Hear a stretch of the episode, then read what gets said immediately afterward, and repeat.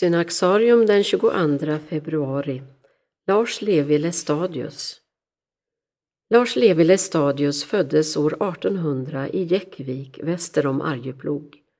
Han tillhörde en prästsläkt som råkat på obestånd och inte längre hade råd att utbilda sönerna. Fadern, Karl Lestadius, blev istället bergsfogde och hade som sådan en relativt god ekonomi. Men när han förlorade sin anställning sjönk familjen ner i svår fattigdom. Faderns hetsiga temperament och dåliga ölsinne gjorde situationen i hemmet än mer disharmonisk. Räddningen blev den äldre brodern, Karl-Erik Lestadius, som utbildats till präst under faderns år som bergsfogde. Nu tog han sig an familjen och bekostade även Lars Levi Lestadius präststudier i Uppsala. År 1825 prästvigdes Lars Levi för Härnösands stift. Sin första kyrkoherdetjänst fick Lestadius i Karesuando. För att kunna kommunicera med sina församlingsbor fick han lära sig både nordsamiska och tornedalsfinska. Men även efter att han tillägnat sig språken upplevde han det svårt att nå fram till dem. Visserligen kom de plikttroget till kyrkan, men engagemanget var svagt och fylleriet utbrett. Hans första år som präst präglades av grubblerier och oro. Han förlorade både en bror och en son och insjuknade själv i lungsot.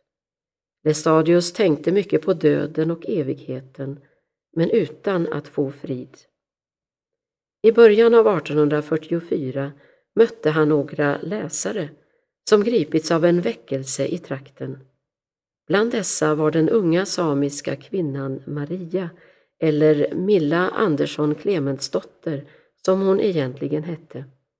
Hon var enkel och obildad men med andliga insikter som gjorde djupa intryck på Lestadius.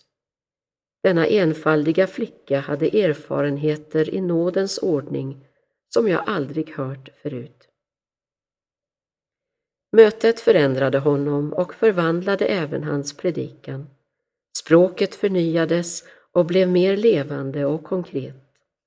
Tack vare färgstarka och ibland grova bilder kunde han äntligen nå fram till sina församlingsbor när han talade om syndens och alkoholens fördärvande makt.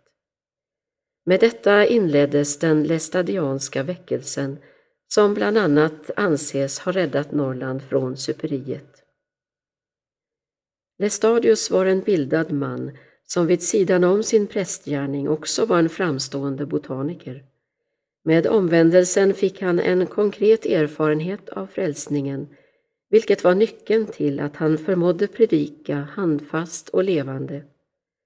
Han avled år 1861 innan väckelsen kring honom ännu formerats i de lestadianska samfund som än idag är verksamma.